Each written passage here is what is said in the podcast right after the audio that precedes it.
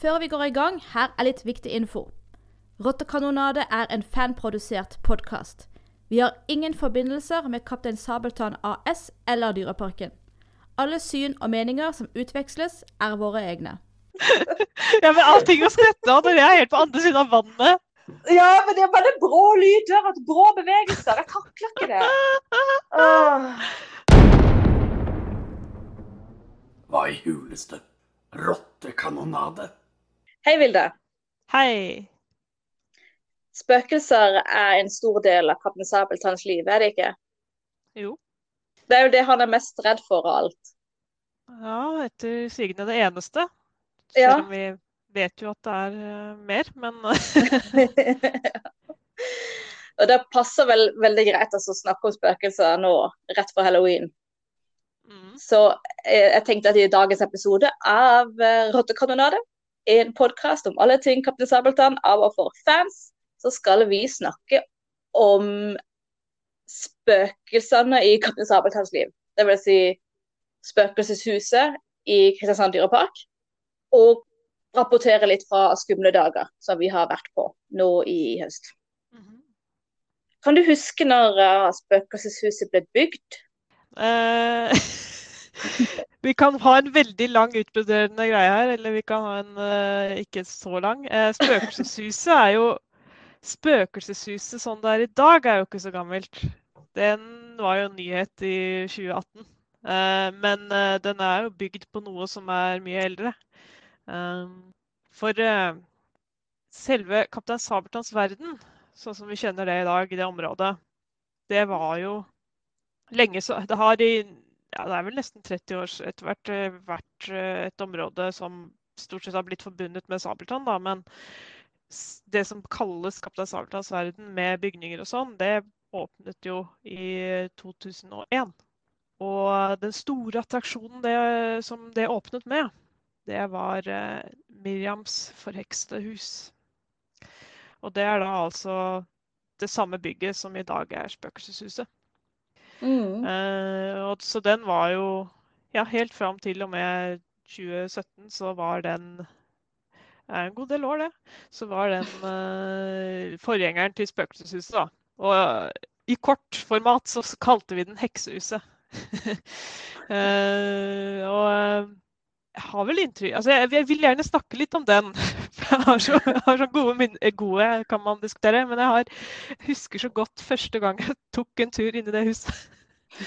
uh, og da, jeg var jo der i 2001.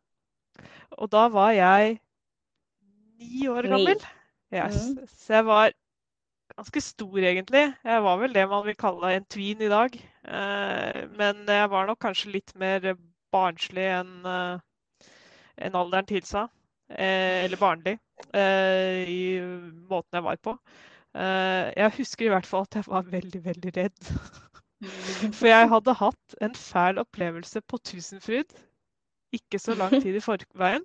Hadde, for der har de jo Der hadde de et spøkelseshus som også i dag er blitt omgjort til noe nyere. Men det spøkelseshuset de hadde opprinnelig der, da, var jo sånn du gikk gjennom. Akkurat som Miriams forhekste hus, da. Men at uh, du gikk gjennom rom fra rom, og så var det veldig skumle ting som skjedde. Og jeg hadde Jeg syns det var en veldig ekkel opplevelse, fordi jeg var der med faren min og min søster, som er tre år yngre enn meg. Så hun, hun fikk det privilegiet at hun fikk lov til å bli båret gjennom det huset. Istedenfor at det bare de vil holde pappa den ene fingeren, for det var det eneste jeg fikk tak i. Og hadde det helt forferdelig. Eh, så etter å ha hatt den opplevelsen, så var jeg litt sånn Jeg hadde lyst til å sjekke ut det eh, heksehuset, men jeg var samtidig veldig, veldig redd. og jeg husker at vi sto i køen inntil det, og jeg gråt. Og jeg lurer, lurte liksom på, sånn på om det var noe sånn eh, om, om det var sånn at jeg faktisk ville ut derfra da, eller om jeg ble holdt igjen. eller, eller om det var litt sånn faren min skjønte at liksom, ja, ja, du, du vil egentlig dette, du bare er veldig redd, så du står og gråter. jeg vet ikke. Jeg husker i hvert fall at jeg sto og gråt, og han prøvde liksom å bare Ja, slapp av, dette går bra. Eh, Men det gikk ganske fort over, for når vi gikk inn i det heksehuset, så viste jo det seg å være en helt annen opplevelse enn eh, det spøkelseshuset på Tusenfryd. Eh, For det første så hadde jo heksehuset et narrativ, et tydelig narrativ. Du ble Du kom jo inn i et rom, og der møtte du Miriam på en sånn bitte, bitte liten filmskjerm. Og så ville hun liksom forhekse deg, da. Men så kommer var det, greven, gribbene, jeg er litt usikker nå. Eh, de, du hører stemmer. Eh, jeg tror det er gre liksom eh, Forbanner henne, da. Tar fra henne kreftene og tyller henne om til en sånn gammel kone. Og så snur hele situasjonen og vil hun gjerne ha hjelp av deg for å finne svarteboka, sånn at du kan få kreftene igjen. Og da skal hun slippe oss inn i sitt forheksede hus. Da, blir, da, åpner døra seg, og så får vi gå inn i huset, da. Så det var en sånn gå gjennom-attraksjon, da. Jeg regner jo med de fleste eldre fans kanskje husker Heksehuset bedre enn det nyeste. For det har jo Det liksom noen Det er ikke alle som drar der år etter år, ikke sant? Det er sånn man kommer, og så pause noen år, så kommer man tilbake igjen. Så um, jeg vet ikke hvor hensiktsmessig det er at jeg skal prøve å gå i voldsomme detaljer på hvordan det heksehuset var. Nei, jeg kan jo uh, fortelle min, uh, mitt møte på det heksehuset. Fordi jeg kan Jeg har en sånn vag greie at jeg hadde prøvd det en gang. Eh, og at det var egentlig en sånn At jeg husker For jeg var i 2001, så var jo jeg Åh, helt mye dårlig hoderegning. Da var jeg 18. Mm. Jeg er ni år eldre enn deg. eh, så jeg, uansett når jeg må ha prøvd det heksehuset første gang, så var jeg godt voksen. Så jeg husker det fram til for noen få år siden. Så husker jeg det som om du bare gikk gjennom et sånn eh, treetasjes hus og liksom så på noen gøyale rom med litt sånn skumle møbler og noen spidlesvev og litt sånn. Eh, og så kommer du på slutten til et sånt rom og sånn 'Vi har funnet svarteboka'. Men så var det for noen år siden, da, Eh, en av de siste årene det sto, at jeg skulle prøve det på nytt. Mm. Eh, og da var jeg alene i Dyreparken. Så jeg stilte meg i kø, og så ble jeg jo med en sånn annen flokk, en familie. Vi ble slusa inn sånn syv-ti stykker om gangen. Og da Det første som skjer i det der rommet, var den lille videoen med, med Miriam kommer. vi ser den videoen, og alt er greit, og så plutselig bare bam, så går det opp i dør, og så kommer en sånn uh, kappekledd person, og jeg, jeg bare sånn Skvatt skikkelig og bare hylte høyt. Og dere to ungene i familien bare stirra på meg. Så jeg var helt sånn Hva holder du på med, liksom?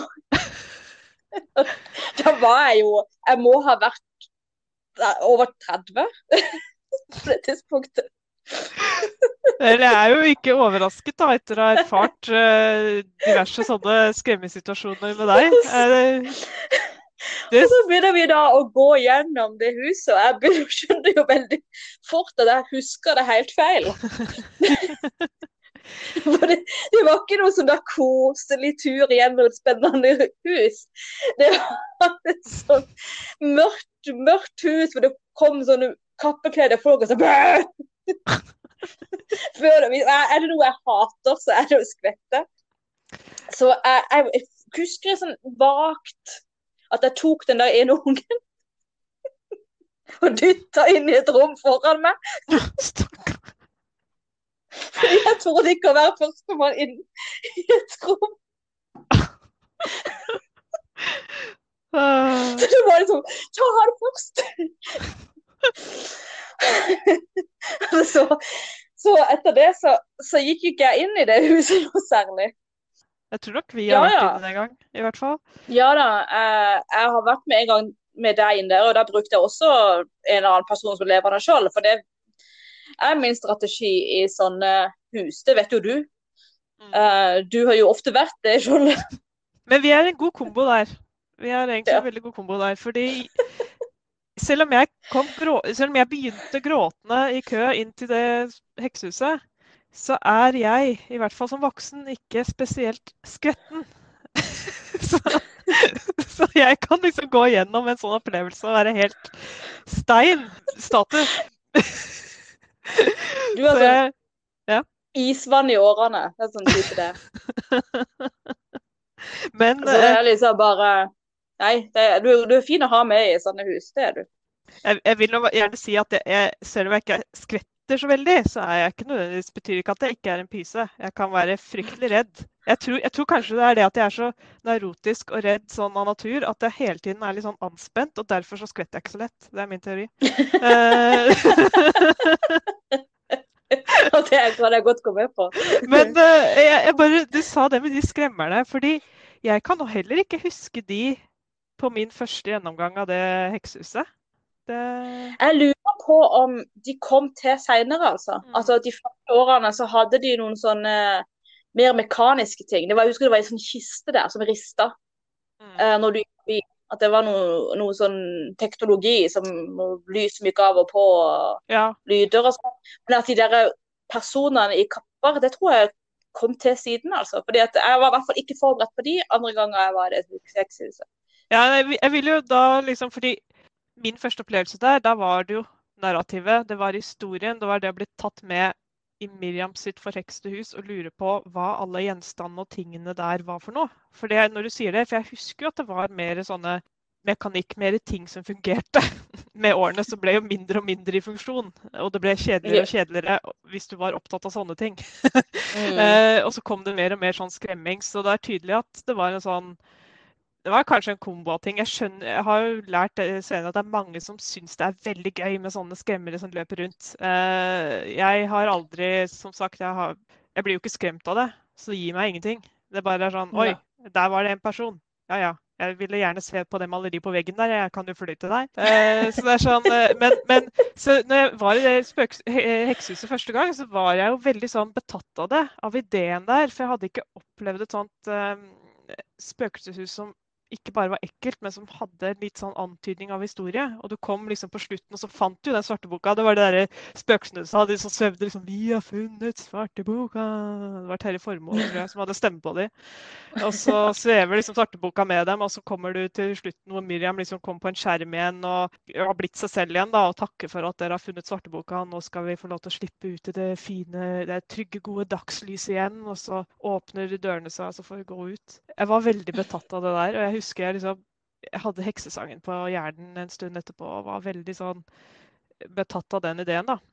Noe av det kuleste jeg husker jeg syntes når jeg gikk gjennom det som barn, eh, og den effekten var vel med i alle år, tror jeg, det var layouten til eh, heksehuset er jo grunnstammen til det som er spøkelseshuset i dag. Så det er en trapp i begge husene. da, som, eh, Over den trappa i heksehuset så var det vel en sånn lyskrone med hodeskaller som sang 'Sjørøverne kommer'. Så, husker du detaljene? Jeg husker detaljene. Og så husker jeg også at i det, jeg vil kalle stuen, det var altså et rom med sofa og sånn, så var det liksom oppi taket sånn stående opp ned fra taket som var sånn rådyr eller noe sånt. Sånn utstoppa rådyr.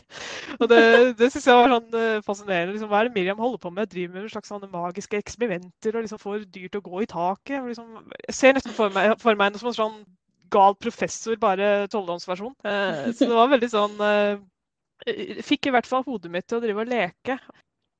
Eh, så ble de oppdatert. Og det var jo i 2018. Og jeg husker jeg var veldig skeptisk fordi det var den dølle navnet. Spøkelseshuset. Hva skulle du gjøre skarpt? Jeg vet ikke.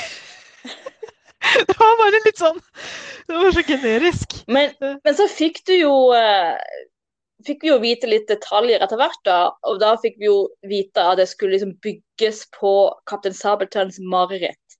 Mm. Og da ble det jo litt mer interessant. Yes. Ja, Litt sånn overraskende. Jeg hadde ikke trodd de ville gå for sånt, uh, en sånn historie inni, inni, det her. For det ble jo presentert som at vi skulle få lov til å gå inn, være han, på en måte. Og se ting mm. gjennom hans øyne, og hans, oppleve hans største frykter. da jeg er alltid litt sånn skeptisk når de annonserer noe nytt, selv om Dyreparken stort sett de siste årene har levert så til de grader, så er jeg alltid litt sånn Ikke forvent for mye, da. Eh, så, men eh, ja, nei det, Jeg syns jo det sto til forventninger. Altså, jeg syns jo det.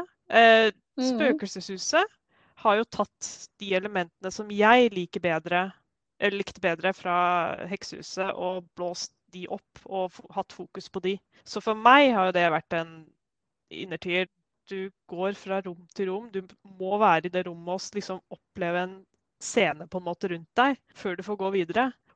det jeg la merke til da, det her ble annonsert, det var at de var veldig tydelige på at her var det ingen som skulle sprette fram og si bø. og da var jeg bare sånn Yes! Dette er spøkelseshuset for meg.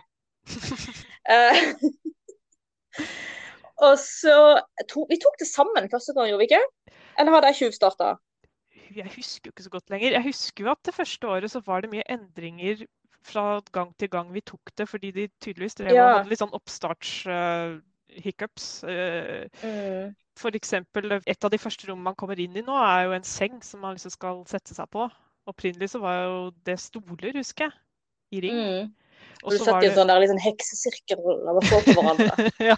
Og så spant han rundt mens vi hørte sånn pling, plong, plong musikk. Og så kapteinen som ønska seg sjøl god natt. Det husker jo ja. veldig vittig. Ja, ja fordi det, det må jo sies at uh, nå har jo det Dette er det tredje året det Spøkelseshuset har uh, hatt uh, sesong. Og de har jo gjort endringer hvert eneste år. Men det aller første året så hadde han noe dialog som de da fjernet andre året. Og jeg er bunnløs i fortvilelse over dette. Og nå skal jeg da si hva det var. For det første så var når vi da gikk og satt oss på de stolene slash sengen. Da Var det? sånn at du liksom hørte han liksom bare sånn Han hadde liksom lagt seg til å sove antagelig. og så sånn Natta da, captain. Han ligger liksom der og sier god natt til seg selv. Og det var så gøy! Eh, og den andre tingen, den er jo ikke fjernet. Den er bare stokket om, så nå er den ikke like morsom. Ja, og der er det litt sånn at for det første rommet du kommer til og nå, Bare sånn at folk vet det, nå skal vi spoile hele spøkelseshuset. Uh, men vi begynner på denne senga, soverommet-tingen, og så kommer man videre inn i det som skal være Magakans jungel. Mm. Og derfra så kommer man ned i Greven av Grals fyrkjeller, eller noe sånt. Eh, Ja. Som jeg personlig mener er det beste creepy og så kommer man da ut i den der stjernetrappa, som er en sånn trapp opp i en etasje hvor det ser ut som en sånn stjernehimmel. Du har en liten pause mellom to mareritt. Det er der denne replikken som du er så glad i, kommer. Ja. For sånn den var opprinnelig, var vel litt sånn at uh, når du går i stjernetrappa, så hører du liksom kapteinen prate litt med seg selv. Han, Sånn, han sier 'Hva gjør greven av Gral her?' Og hva gjør han sammen med Maga Khan?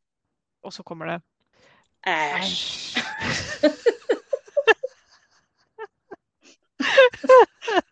Og vi, vi bare liksom bare Å! Han syns at tanken på Greven av Gral og Maga Khan sammen er æsj.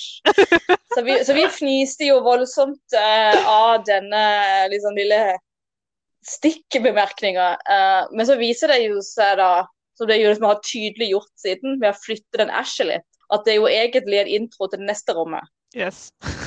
Som da er byssa til skalken. Dere kan godt reversere den uh, greia der, Dyreparken. Det, det var morsommere før. Ja, men han sier iallfall æsj til uh, denne byssa. Yes. Og i byssa er det jo gøy, for der har de jo også lagt inn lukt. Um, så det rommet stinker jo lenge før du kommer fram til det. Det syns jeg er det gøyeste rommet. Der er det bysta. masse, der er masse detaljer, og du blir jo stående i det rommet en liten stund. En av mine favoritting i det rommet er at du kan se oppskriften er på rottesuppe.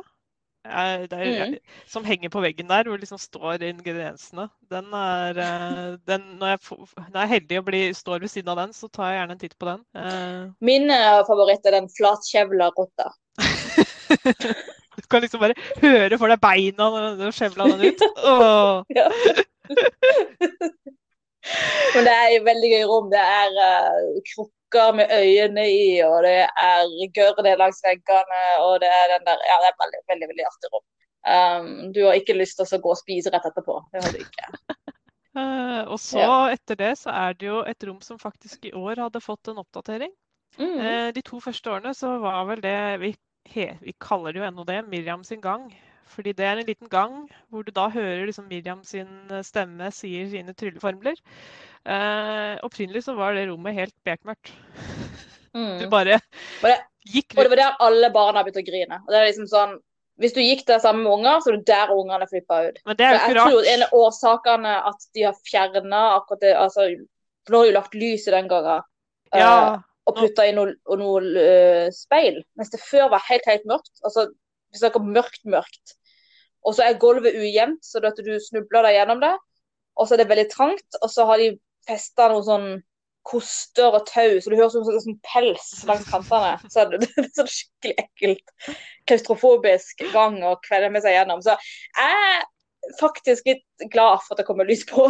Jeg, jeg, jeg, likte det faktisk bedre fra et litt sånn narrativperspektiv. For når, når, vi oppdaget den endringen nå i år, så kom, gikk vi ut og liksom diskuterte å, men speil er jo liksom som at kapteinen frykter seg selv. liksom har et lite sånn uh, Ja, vi har jo en tendens til å Overtolke ting. Tolke ting, ja. ja. vi har det.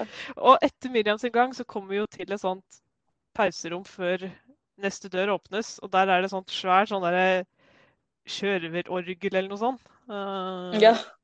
Opprinnelig så sto det bare en sånn stat, en sånn uh, rustning og den statuen, ja, den er også glad jeg vekk. Den, hver gang jeg, jeg sto i det rommet og venta på denne døra skulle åpne seg, så så jeg hen på den statuen og bare venta på at den skulle gjøre et eller annet. Den gjorde jo aldri det, men jeg var liksom Jeg sto ikke i ryggen til den, der stat, den uh, rustingen der, altså. Uh, men nå er det altså bytta ut med et orgel. Og så kommer vi inn i det som da er liksom Kaptein Sabeltanns finstue, typ. Ja, den store hallen. Uh, ja. Det er jo det som i heksehuset var den trappa med den lysekronen over, antar jeg. Uh, og mm. Der er det sånn svært rom, høyt oppunder taket. Og kapteinen tror nå han endelig er liksom kommet tilbake til borgen sin. Og at det er, uh... det er Ja, og veggene er fulle av bilder av Terje Formoe. stor, stor irritasjon. De har liksom det er ty altså, vi vet jo ikke noen ting om det, men jeg antar jo etter å ha vært Sabeltann-nerd i så mange år, at man sparer litt her og man sparer litt der. Så da, da bruker man heller disse 10 Nei, det er eldre enn det. Altså 20-15 år gamle bildene av Terje Formoe enn å ha de av eh, enn å ta noen nye, spesielt for Spøkelseshuset, som hadde vært min store drøm. Eh, ja, for Vi må bare understreke at det er bilder av Terje Formoe som Kaptein Sabeltann. Jeg ser. ja, liksom, ja. Og så er det jo Kyrre Haugen Sydnes som er stemmen, da. Eh, så det blir, yes. sånn, det blir en sånn mismatch gjort... for oss. ja. Han har gjort, uh, spilt inn alle replikkene, så det er liksom Kyrres stemme, men det er bilder av Terje Formoe. Men vi blir i hvert fall stående i dette, denne hallen. Mm. Uh, og da dukker også skurkene opp uh, etter hvert, for det viser seg at han er fremdeles i drømmen sin. Mm. Det, det da, er jo den store scenen i det huset. Det er jo kjempekult, for da har de jo fått mange av de originale skuespillerne til disse rollene til å liksom ta en liten sånn cameo som den uh, skurken, som liksom sier, sier litt uh, replikker eller deler av sine. Vi har jo mm. gamle traveren Espen Løvaas, som har spilt Glade Gorm i alle år på scenen. Han uh, er jo Glade Gorm. Håvard Bakke som Greven av Gral. Også Janne Formoe som Miriam. Hun var jo den originale Miriam. Så, og så da Frode Winther da, som en herlig Magan som uh, skal showe med den tunga så mye han uh, klarer oppi ansiktet ditt på veggen der. uh, alt kulminerer da i Torden! og så blir det mørkt. Ja. Og så kommer, som Mathias var inne på i forrige episode, første gang Grusomme Gabriel som seg sjøl. Mm. Så denne gangen er det ikke noen som har kledd seg ut. Nei, han... Men den virkelige grusomme Gabriel uh, dukker opp i taket, faktisk. uh, og, og, liksom hun kaller på deg, vil trekke deg ned opp uh, i dypet. Ja, i hvert fall, Han snakker om å trekke deg ned i dypet, men han er over. Å, jeg elsker den. Ja, for denne effekten vil... er jo at han faktisk Den hodeskallen kommer ut av taket. Mm. Det er sånn 3D-effekt. så så det er liksom, Hvis ikke det har begynt å grine unger før, så er det der. Det er det andre stedet det begynner å grine. Jeg vil bare DVD effekten litt. For jeg husker jeg har en sånn igjen, Tusenfryd. Uh, der var jeg som barn. Uh, og nå skal vi langt tilbake, fordi dette er liksom sånn tidlig 90-tall. Uh, det er en attraksjon på Tusenfryd som i dag heter To Skjammer, tror jeg men opprinnelig der så var det en sånn vikingskipattraksjon hvor du liksom så en sånn mekaniske greier og lerret og show og sånn. Og der hadde de på veggen et sånt fjes som var sånn lignende effekt. Det var jo sånn 3D-fjes med Bare viste liksom film på, ikke sant. Men jeg var så betatt av den som barn. Og så da når jeg kommer i det spøkelseshuset og jeg ser den effekten som jeg ble så bergtatt av som barn, liksom bli en del av dette. Uh, ja, jeg bare Så jeg bare har, føler jeg har en connection til den der skallen i taket. Jeg, noen barn blir sikkert skremt, men noen syns sikkert den der er utrolig fascinerende. For den beveger jo seg også, ja, ikke sant? for jeg ser mange barn som sitter på, på armen til foreldrene sine og ser på det med sånne store, kule røde øyne, liksom. Og bare Oi! For det er noe med den altså derre Alt det andre, mye av det andre vi ser der, er jo skjermer, ikke sant?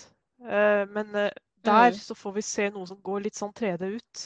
Og det, det, det er sterkt. Mm. Det er sterkt. Mm. ja, vi går i hvert fall inn, videre da inn i uh, neste opptrappa. rom. Eh, og der er jo ja, opptrappa og inn i neste rom, så der er kapteinens verste mareritt, som da er en haug med tomme skattkister. Hvor er alt gullet? Og så inn i under dekk i skuta plutselig. Mhm. Og det rommet er også ganske gøy, fordi der uh, har de en mekanikk som hele rommet vipper som om du er bord på en skute. Og du hører skipsklokkene og kanonene, og det er storm ute, og eh, du hører vinden ule, og det er veldig, veldig gøy faktisk, det rommet der. Ja, du skal liksom Du skyte på blir veldig revet med. Du blir oppfordret til å skyte med den kanonen da, som har en sånn knapp på seg, ikke sant? Og avhengig av hvem du er sammen med, hvor ivrige de er. Men altså, ungene kan jo liksom fyre løs med den og være sånn «Sky- Fyr! roper Sabeltann og skyt, skyt, skyt. Og så plutselig da, så oppdager man jo at oi, man har skutt ned Den sorte dame. I en slags mm. merkverdig speiling. Man er i Den sorte dame antagelig, da. Man skyter på Den sorte dame. Hva i alle dager er det som skjer? Ja, det er sånn som skjer i drama. Det gir ikke Nei. mening. Og da er jo kapteinen veldig ja, sinna, eller liksom roper på mannskapet sitt. Liksom, 'Hvor er de udugelige latsammene når man trenger dem?'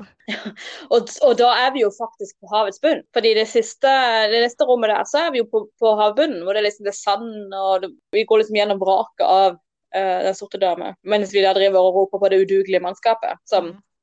vi kan jo tenke oss til hva som har skjedd med det mannskapet, men, men uh, kapteinen er, er fullstendig in denial. Yes. Han er bare irritert fordi de ikke er det. Og du hører de skurkene liksom rakker ned på han øh, og ler av han mens, han øh, mens du går gjennom den gangen. da. Og så kommer Mm. du da inn i det aller siste rommet, og der er Mm. planken. Mm. det er da en planke satt over en sånn svær, svær tjukkas. Du er ikke nødt til å gå planken, da. Det er en liten trapp eller en liten vei ned for de som ikke tør. Eh, bare så det er sagt. Men eh, Mm.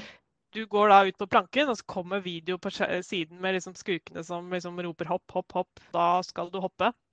Alltid litt redd for at jeg klarer å strekke noe eller forstue noe et eller annet hver gang jeg gjør det der. Men uh, det har gått bra så langt. Jeg har jo gått på nesa. Jeg landa på Jeg hadde skikkelig mageplask. Fordi uh, det er ganske Du ser aldri veldig elegant ut når du hopper ned den der. Du hopper ned, og idet du hopper ned, så er det noen sensor som reagerer, og da spretter det fram haier på tjukkasen rett under deg.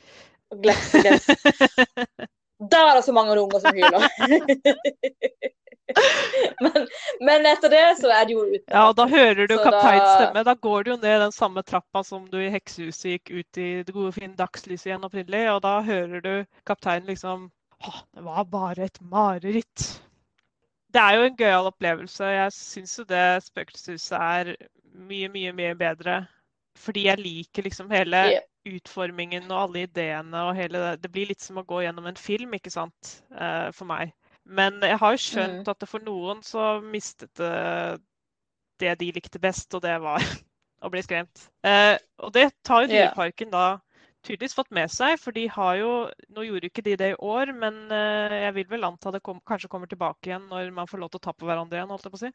Eh, og det var eh, at de hadde sånn ekstra skummel spøkelseshus etter klokka fire eller noe sånt i høysesong. Hvor de da Mm. gjorde om uh, spøkelseshuset til en sånn mer sånn som heksehuset, at uh, ting er litt mørkere. De har fjernet alle kapteinens stemme og sånt. Du bare går gjennom, og så vil du Mm.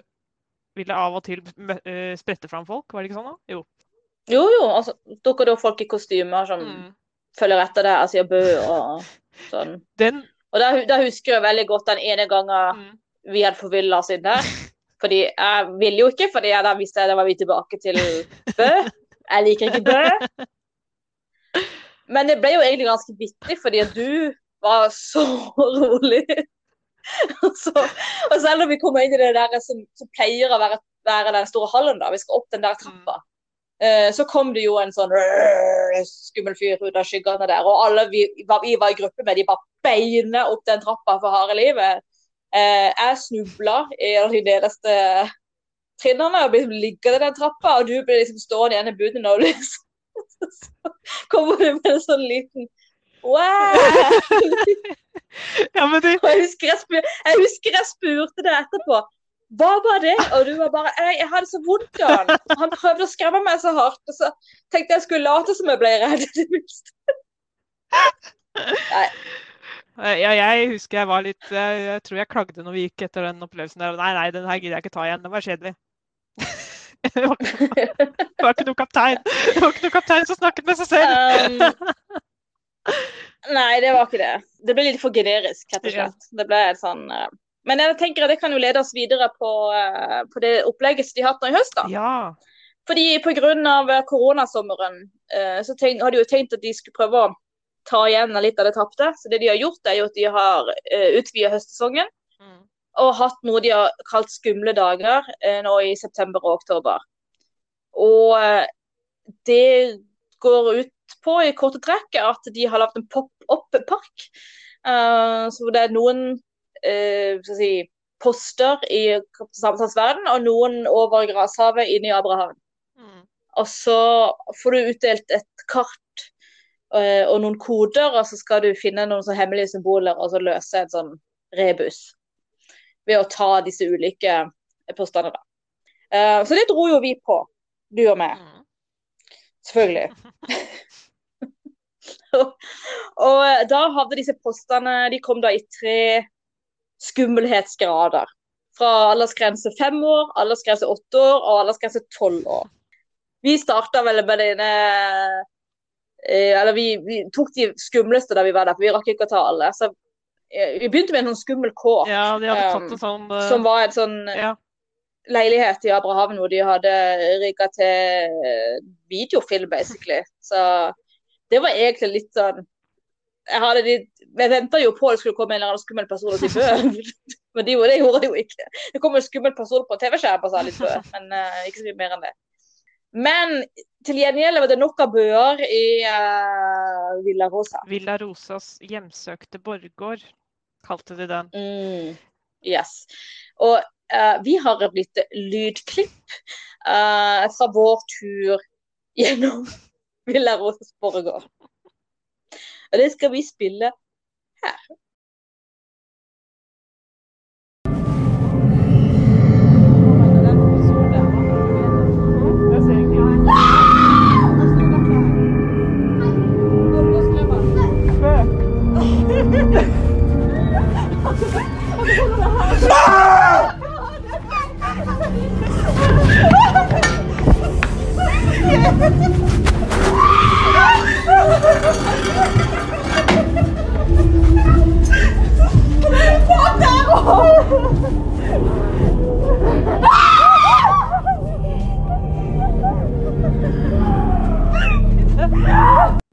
Og så, så, som dere hører der, så eh, er det, jeg er litt usikker på om det er meg eller spøkelset som skriker. Uh, jeg tror det er litt begge deler. Men den som konstant ler, uh, det er Vilde. Uh, det er vel basically fordi at jeg igjen brukte det som skjold. Du sa etterpå at det var den me meste kroppskontakten du har hatt siden koronaen kom.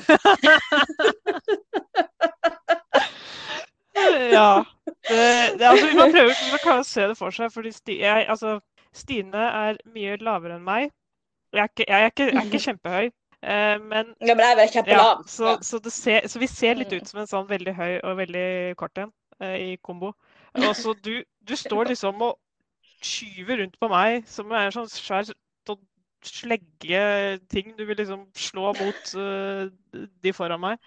Uh, og jeg blir liksom dyttet rundt. Ja, nei, det Ja. Eh, måtte, ha, måtte ha en av disse skuespillerne rett foran ansiktet mitt hele tiden.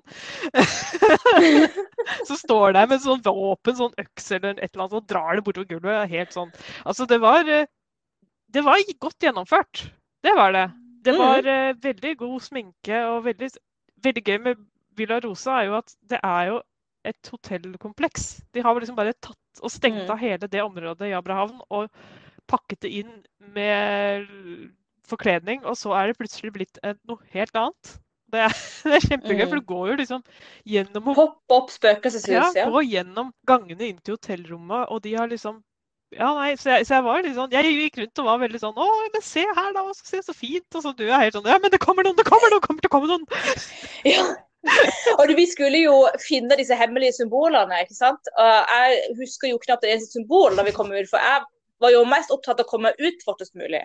Mens du ville jo ha alle detaljene med, så det ble litt sånn Ja, jeg synes det var kjempe... Altså, helt, Mot slutten av den opplegget der, så kommer vi ut i en sånn miniborggård som liksom er inne i borggården. eh, hvor det er en liten lysning. da, Der sitter jo en av disse skumle skuespillerne og liksom skriver i sanden. Hun skriver et av symbolene i sanden. da.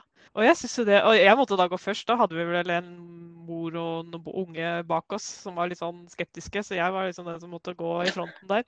Og det var en sånn videospillaktig opplevelse. ikke sant? Du har vært gjennom noen svære prøvelser og mørkt og skummelt, så plutselig kommer det til en sånn liten lysning, og der er det noe, en belønning. altså Det var litt sånn, det var litt sånn interaktivt og ja, jeg syns det var fint.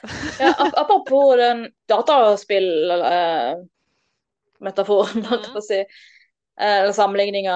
Eh, du hadde likt eh, det de har lagd på Ildprøveplassen. Det fikk jo ikke du prøvd, men jeg var der et par helger etterpå med småsøsknene mine. Eh, og da prøvde vi den. Og der de sitter det jo en sånn skuespiller som spiller et gjenferd av en gammel sjørøver Mm. som har, har noen kort som han legger foran deg. Og så skal du liksom og Han snakker ikke, han bare viser med kroppsspråket Mm. at du skal se på kortene. Så peker han på to av kortene, som det er bilde av sjørøverflagget, som du da skal huske. Og så snur han alle kortene, og så stokker han de om. Mhm. Og så etterpå så ber, han deg med kroppsspråket da peke ut hvor er nå de to med sjørøverflagget. Eh, og hvis du klarer dette, så trekker han opp ermet sitt, og så viser han deg fire symboler på ermet. På- skrevet på armen. Eh, som da er de symbolene som du trenger for å løse koden, da. Um, og det var veldig kult, for han sier ikke ett ord. Det er liksom bare sånn mimikk og langsomt teatralsk bevegelse. og ja, Veldig spennende, faktisk. Ah. Jeg tror faktisk det var min favorittpost, selv om det var en av de minst skumle.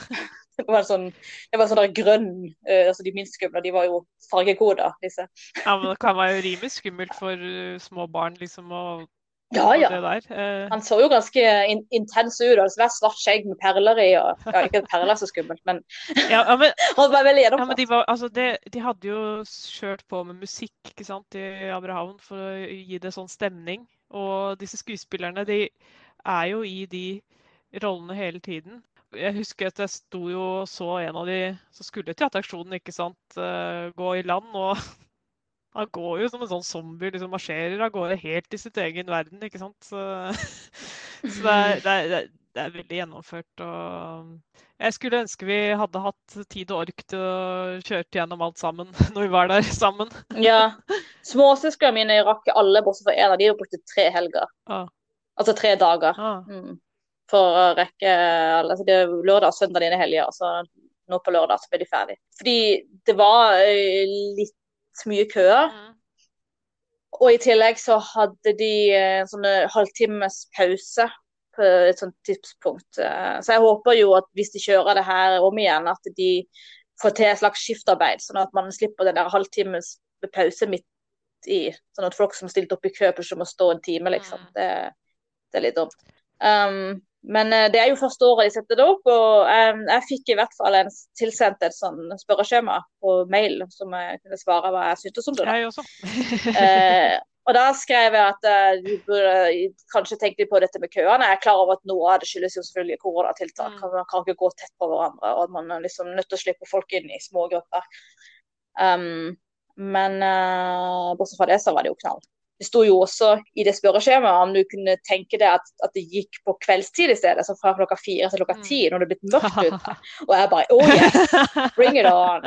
Eh, fordi at Til tross for at jeg ikke liker å bli bøskremt, så syns jeg jo at, at altså, å bli skremt på en sånn andre måte, sånn stemningsskremt, Mm. syns jeg er veldig gøy. Altså med lydene og lysene og, og dekoren og så sletter og monstre og sånt. sånt. Det går helt fint. Det er bare den der plutselige brå skvettinga hun hopper på deg, det er det jeg ikke liker. Fordi vi, vi tok jo også Grevens uh, labyrint Mm. uh, som var befolka for anledninga. Eh, og da var det jo en sånn Det står jo hele året står det jo noen sånne steinstatuer langs stien der. Uh, og i, denne gangen var det plutselig en ekstra steinstatue som begynte å bevege på seg, og han fulgte etter oss. Og da den passerte meg, så sa han Stine. Den sa navnet mitt. Jeg har to mistenkte. Men jeg skal ikke, jeg skal ikke avsløre noe. Men det er mulig at den statuen kjenner meg fra før. Hvis ikke det er i hvert fall creepy. Men det, det var bare litt sånn ekstra gøy. Jeg fortalte det småsøsknene mine, de bare så på meg. Jeg bare, 'Hvordan visste du den var din?' Altså, jeg er berømt her i parken. Så. Hyper, kanskje de egentlig har noe sånn teknologi at de skanner årskort i lomma di når du går forbi. ja, oh, det er sikkert det. Mm. En ting jeg uh, syns uh, mangler altså Det jo, kan jo være av praktiske årsaker. Da, er jo at uh, De bruker jo Sabeltanns miljø, og de har en slags historie rundt det som involverer Nevner i hvert fall Greven av Gral. ikke sant? Det er noe med at uh, noe med at han Han har forheksa ja, Greven av Gral står bak forhekselsen. Ja, men liksom ingen uh, offisielle Sabeltann-figurer dukker opp, selvfølgelig. Um, så jeg vet jo ikke hvordan det Hvorfor er det så selvfølgelig? jeg, selvfølgelig nei, altså jeg, jeg, greia er vel at jeg regnet vel med at det ikke kom til det. Fordi det pleier jo ikke altså nå vet jo ikke jeg hvordan ting henger sammen her, men altså, det kan jo hende det Ja, Dyreparken eier jo ikke Kaptein Sabeltann. Uh, Kaptein Sabeltann blir eid av Terje Formoe. Uh, og det betyr at Dyreparken si, leier Kaptein Sabeltann av Terje Formoe. Og den avtalen de har, er, handler jo om jeg vil tro uh, suvenirtingene og denne forestillinga på sommeren, og kanskje litt ymse annet. Mm. Men at Eh, de må muligens betale han royalties hver gang de bruker en av de offisielle figurene hans. Um, så Derfor så kan de sikkert spare litt penger på å liksom bare bruke noen sånne ymse tilfeldige mm. pirater slash spøkelser, i stedet for å trekke inn uh, Terje Former sine figurer. da. Det er det litt sånn Det er jo det jeg har tenkt. da. Det er, det er i hvert fall min teori. Ja, men for min del så var det noe som jeg savnet, da. Um. Men uansett, anyways uh, Hjelp av mine søsken så fikk jeg da fullført denne gåten. Uh, og jeg har fått premie. Jeg er misunnelig. Fordi, ja, ja. Fordi på slutten så skal du da gå i hodeskallen i Abraham, for de som har vært der. Så det er sånn hodeskalle med en sklie og sånn. Og der ble du invitert opp til portvokteren, uh, hvor du da må si uh, kodeordet, eller ordene, alt etter hvor mange du har funnet. Og så er det da korrekt, og da får du premie. Eh, og det er da, eller var i hvert fall da jeg var der, en gullmedalje. Eh, en sånn Kaptein Sabeltann gullmedalje med havets hemmelighet. Så jeg regner med den lagd til den forestillinga som skulle ha gått i år. Um, men i hvert fall så ble den gitt til mine to små søsken, og jeg fikk jo ikke, fordi jeg er jo voksen. Det, er hardt å være voksen noen ganger, altså. Men lillesøster hun var sånn Hun vil også ha en! så jeg fikk jeg òg! Yay! så Jeg vet ikke. Jeg blir alltid litt sånn derre Selv om jeg skjønner at det går an å hvis man virkelig har lyst på noe sånt, så er det jo lov, ikke sant. Men, men jeg blir alltid litt sånn der, jeg blir alltid litt sånn der, litt sånn lei litt, litt, sånn nedstemt i det øyeblikket det går opp for meg at de helst vil at det er et eller annet. Ja, ikke sant? for vi, vi, har, vi har, jo vært på sjørøverfrokost noen mm. ganger. Uh, og der uh, er det jo sånn at man etter frokosten så går man på skattejakt, og så finner man en skatt, og så får alle barna lov å få én gullmynt. og da har vi, vi jo de siste gangene så har vi jo fått lurt til oss en gullmynt, vi òg. Litt fordi disse, disse, skuespillerne kjenner oss igjen og, og vet at vi er veldig gira på å få disse myntene. Så de gir de til oss litt sånn der de skrev Vi burde kanskje ikke si dette på Nei, du, altså, de gir jo, altså, det handler jo om hvem det er som får de. Og det er det. Vi er ikke normale i den settingen. Uh, og, og jeg, bare så det er sagt, vi er, vi Alle myntene har jeg plassert i sin individuelle pose med navn og dato på. Åh, hvem jeg fikk de av og når. Har jeg fortalt deg før at du er skikkelig nerd? Men eh, du, jeg tenkte jeg siste tema som kanskje kunne nevne i denne episoden her, det er jo uh, Vi har jo snakka om Grusomme Gabriel, som er det mest kjente spøkelset i uh, Kaptein Sabeltann-universet. Men jeg kommer på det er jo et spøkelse til. Ja, Er det Lillebøll? Det er Lillebøll, ja. Som er med i TV-serien. Og som Ravn treffer på, et, på ved et par anledninger. og som ja, Altså, jeg har aldri helt skjønt hva hun er for noe. Altså, det, det er jo da tilsynelatende en gammel dame som bor i dette litt skumle huset i Abrahavn. Eh, og kommer og går litt som det passer henne, og som sier en eller annen creepy ting på rim, og så går jeg. Er det, det kanskje ikke så mye Nei, altså hun er jo en figur som bare har Altså hun har sin opprinnelse fra før uh, TV-serien, faktisk. Fordi uh, mm. det vet, vet ikke hvor mye du vet om det, men det sjørøverteatret, første sjørøverteatret, som Da hadde de jo noen sånne show i riktig gamle dager, da det var nytt i 2005, 2006, 2007, 2008. hvor de hadde to forskjellige show jeg tror vel det var sånn De første årene så var det med Jon Benløs, faktisk. Eh, noe sånt show. Eh, og det andre mm. bolken var vel eh, Lola og Lillebøll. Som da liksom var mm. to spøkelser. Men nå må jeg bare si at jeg egentlig ikke har sett Lola og Lillebøl. Jeg tror det var noen klipp på YouTube en gang, så jeg fikk sett litt sånn bruddstykker av det. Men, så det er der hun, det navnet var først, da. Men var de mm. hekser egentlig da? Eller var de spøkelser? Jeg vet ikke. Ja. Altså, uansett så er jo i TV-serien så har hun en sånn funksjon med at at skribenten må OK, vi må ha noen svar på noen spørsmål. Vi bare dikter opp et sånt orakel som bor i et hus, og som har alle svarene. Aldri helt klare svar, kan du si. Uh, de er veldig sånn Nostradamus-aktig. Uh, men jeg, jeg bare nevner yeah. det at jeg husker jo at før TV-serien kom ut, og jeg leste jo at, navnet Lille, at noen som het Lillebøll skulle være med i den på rollelisten. Og mm. uh, da da, da, var jeg, jeg spent, for jeg, jeg forventet før TV-serien skulle komme, at den skulle da vise hvordan Pinky lærte at kaptein Sabeltann var redd for spøkelser. Det trodde jeg var et sånt plottpoeng som skulle ah. skje. Uh, og det skjedde jo aldri. Uh, det, blir, det, er en sånn scene i TV-serien hvor Sabeltann blir litt skremt fordi Pelle eller Pisa foreslår liksom at det kanskje var et spøkelse på en sort dame. Så jeg, jeg, trodde jo jeg trodde det lengste at han kom til å gå inn i det heksehuset på et eller annet tidspunkt og møte på Lillebøll. Jeg trodde det skulle være noe sånt. Den rollen hun har da i, i uh, TV-serien, det er jo at hun er Deos ex machina, heter det på fagspråket. Det er rett og slett om man har malt seg opp i et hjørne og trenger en løsning veldig kjapt, og så finner man på en sånn halvløsning, sånn totalt irrasjonell ting som skjer for at, at du skal liksom Altså det er f.eks. at hvis noen har uh, blitt, helten har blitt tatt til fange, og så plutselig så kan de kung fu og kommer seg fri. Uh, det er liksom, det, sexmakkene betyr Gud fra maskinen. Og det er fordi at i gamle greske skuespill så uh, var det gjerne som at gudene, eller skuespillerne som spilte gudene, ble heist ned i sånn tau på slutten av uh, stykket og sa liksom Fiks deg! Fiks dere! Gå skikkelig hjem! Eller et eller så bare steik til hver side. Sånn at det, liksom, det, det, er liksom en sånn god, gammel versjon, og så våknet alle, og det bare var hverandre. ikke sant? Så det er det, det, er den effekten Lillebøll har. Altså, det er jo fordi at vi trenger noen svar på ting. Det eneste som er litt gøy med henne, det er at det engelske navnet på Lillebøll, det er Isabel. Og fun fact, uh, i mine fanfictions så har jeg kalt Pinkys mor for Isabel.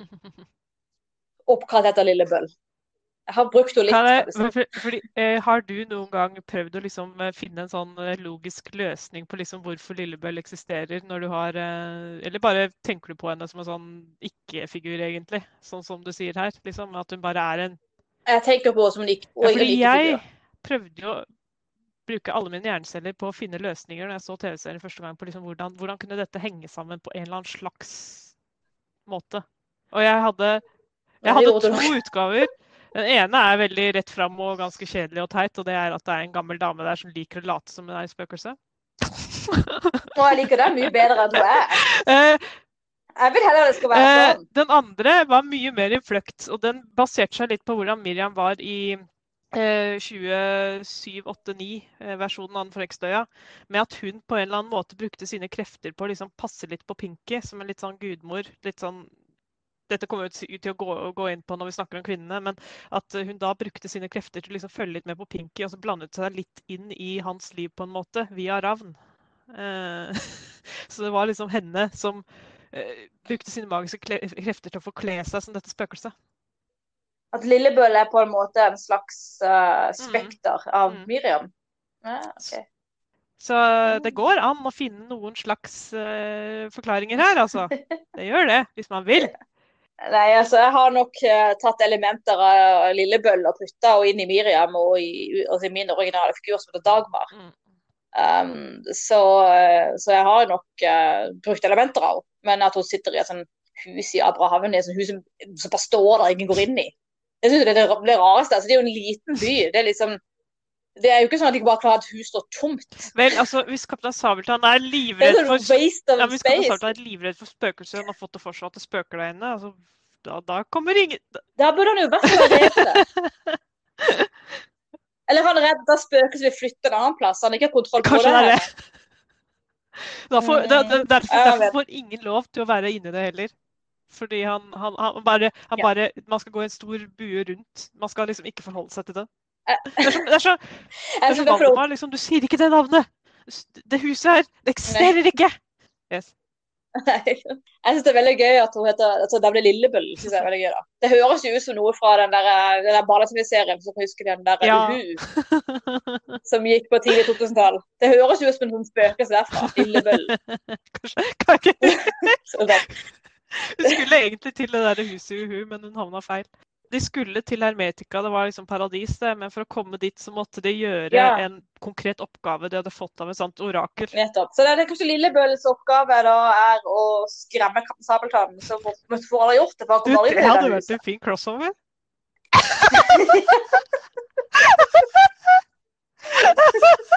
Bare sånn episode av Uhu hvor hun kommer Lillebøll, og hun, hennes oppgave er å skremme Kaptein Sabeltann, men det viser seg å være veldig veldig vanskelig å skremme Kaptein Sabeltann, for det, det skjer alltid et eller annet tull hver gang hun prøver.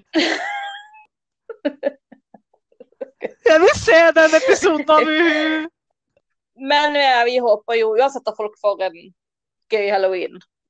Eh, og så at de eh, kommer seg til Dyreparken neste år og får prøvd Spøkelseshuset, som vi jo nå har spoila fullstendig. Ja, og vi anbefaler også Skumle dager hvis det skulle dukke opp igjen neste år. Mm. Men du Vilde, før vi går. Hva er den skumleste tingen du har opplevd i Kaptein Sabeltann-sammenheng? Ehm, det tror jeg du vet. Eller du, du skjønner hva det er når jeg sier det. Det var en forestilling hvor uh, på noen minutter kunne virke som ting skulle gå galt. Eller ganske mange minutter kunne virke som ting kom til å gå ganske galt. Det, jeg tror det var i eh, Var det forrige fjor? 2018? Eh, Det tror jeg.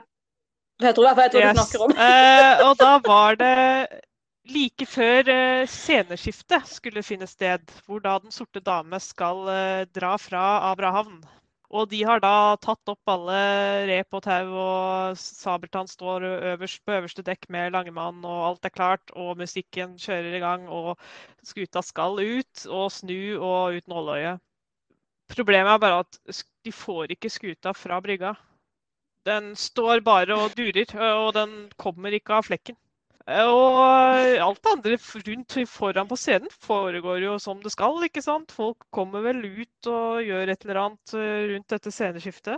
Ja, sceneskiftet, liksom. Ja, Jeg er merker jo ikke det, for jeg ser jo bare på Den sorte dame og har hjertet i halsen. For jeg var helt panikk i hodet. Sånn bare sånn Hva er det som skjer nå? De får ikke skuta ut. Og hvis de ikke får skuta ut, så får du ikke fullført forestillingen. Og hva i alle dager? Og de kommer til å avlyse. Og, og han dekksgutten han hopper jo ned da, ikke sant? og prøver å se om det er et eller annet som er uh, noe et rep som ikke var tatt av, eller et eller annet. Men han, han står der, og så ser han opp på skipperen og liksom bare rister på hodet og slår ut med armene. Og da blir det enda mer sånn panikk hos meg. Jeg er helt sånn der Og så står han dekksgutten og bare dytter på skuta. Dytter, dytter, dytter. Bare for å prøve å få den ut. Uh, og omsider så klarer de på et eller annet vis å liksom få den, få den såpass ut at den uh, eh, klarer å bli snu, liksom, eller komme seg ut. Ja, for det, det vi fa fant ut siden, uh, via, via eh, kontakter, det var jo at sidetrøsterne, altså sidepropellene på båten eller skuta, hadde Men jeg var jo kjempe... Så de måtte, så de, så, ja, ja, men, så de måtte få skuta liksom ut fra brygga, sånn at han kunne bruke bakpropellene til å få, få skudd, Yes, jeg uh, men han kunne, fyre, han, kunne han kunne jo ikke fyre de i gang før han var kommet ut fra brygga, for da hadde han jo Mm. kjørt på grønn. Så det var det, jeg husker jo bare den der stakkars uh, dekksgutten som sto liksom i mer eller loddrett stilling mellom brygga og båten og skudde for harde livet. Mens uh, kapteinen sto på dekk der og bare mm, kunne tvinne tomler og liksom bare Skal jeg spille nå? Skal jeg late som ingenting har skjedd? ja, jeg var jo kjemperedd. Jeg, jeg, Jeg var jo kjempe... jeg, Ja, ja, jeg, jeg var jo Altså, der, var, der var vi helt omvendt av vi pleier å være i Spøkelseshuset. For der var det jeg som satt og lo, og du som ja, satt jeg, og jeg, sa, jeg var jo kjemperedd var hele, under hele resten av forespillingen om Den sorte dame kom til å komme inn igjen etterpå. Jeg prøvde liksom å se for meg liksom, Kommer den til å måtte bruke den sidetrusteren, eller liksom den siden av skuta resten av forestillingen? Sånn. Altså, jeg var helt sånn derre Helt sånn derre Så når dama kom inn, og det var tydelig at dette gikk, da var det og så var det så gøy etterpå. Så var det så gøy etterpå, for Vi satt jo ved siden av noen som vi snakket med etterpå. som liksom var sånn, De var Å, det var så fantastisk forestilling, og dette var kjempefint. og liksom, La dere merke til det? Nei! De hadde ikke sett det i det hele tatt. Jeg tror ingen har merket til det, med mindre de liksom hadde sett forestillinga før. Og jeg syns det er fryktelig, er egentlig ganske søtt at du syns dette er det skumleste du har opplevd. Ja, men Marerittet er jo å oppleve at en forestilling har begynt, men så må avlyses eh, inni De hadde jo ikke avlyst den. De hadde jo kommet inn, og så hadde de ikke brukt båten. De hadde, brukt, altså de hadde jo fiksa det på et vis. Ja, Ærlig talt, det er ingenting å stresse med. Vil du høre min er skumleste ja, opplevelse, da? Jeg tror du var til stede. Det var en gang vi var i Dyreparken, det var i høysesongen. Og vi hadde sett dagshow. Og så skulle, jeg, så skulle vi gå ned for vi skulle ta grevinnen. Og så skulle Simen på do. Uh, og derfor så ble vi stående og vente på Simen. Uh, og så plutselig så hører jeg bak meg. Og jeg er helt sikker på at det er Simen, fordi Simen har, har en stemme når han gjør om på den som er veldig lik Kaptein Sabeltann. Så jeg er liksom Å, der kommer Simen. Så jeg snur meg for å snakke til Simen, og så plutselig der står Kaptein Sabeltann. og nå er jeg jo ikke nødvendigvis en sånn person som blir dritredd av å se Kaptein Sabeltann, men når jeg forventer å se Simen, eh, og så i stedet ser rett opp i det der hvite ansiktet, da, da hyler jeg. Jeg husker det som at du bare spratt fra min side og krasja i en stolpe som var rett ved siden av, mens han bare, mens han bare går Ja, rett imellom der du hadde stått. Og så ser jeg liksom for meg ansiktet hans litt sånn der lattermildt som han holdt på å le av det, men jeg tror det er innbilning. Men altså Det er sånn det ser ut i hodet mitt. Jeg var sånn Jeg er veldig lettskremt, kan vi si det sånn. Det var egentlig ganske Det var skummelt. Det er så veldig stor forskjell her. Det var ikke så, ingen av de tingene er egentlig Å veldig jo da, den ene er, den ene er Det er helt vanlig. vil jeg mene. OK, greit. Jeg går ut for du mener det. ja, er selvfølgelig. Da eh, må vi ønske vi alle en god halloween. Ja. God har noen halloween hjemme hos seg selv, stirrende på skjermer og ventende på fremtid. Ja, for de som kanskje skal ha sånn i stedet for å knaske eller knep, har en sånn fest hjemme. Og for de som skal se skumle filmer, eller se på videoer av båter som får Ja. motorhaveri.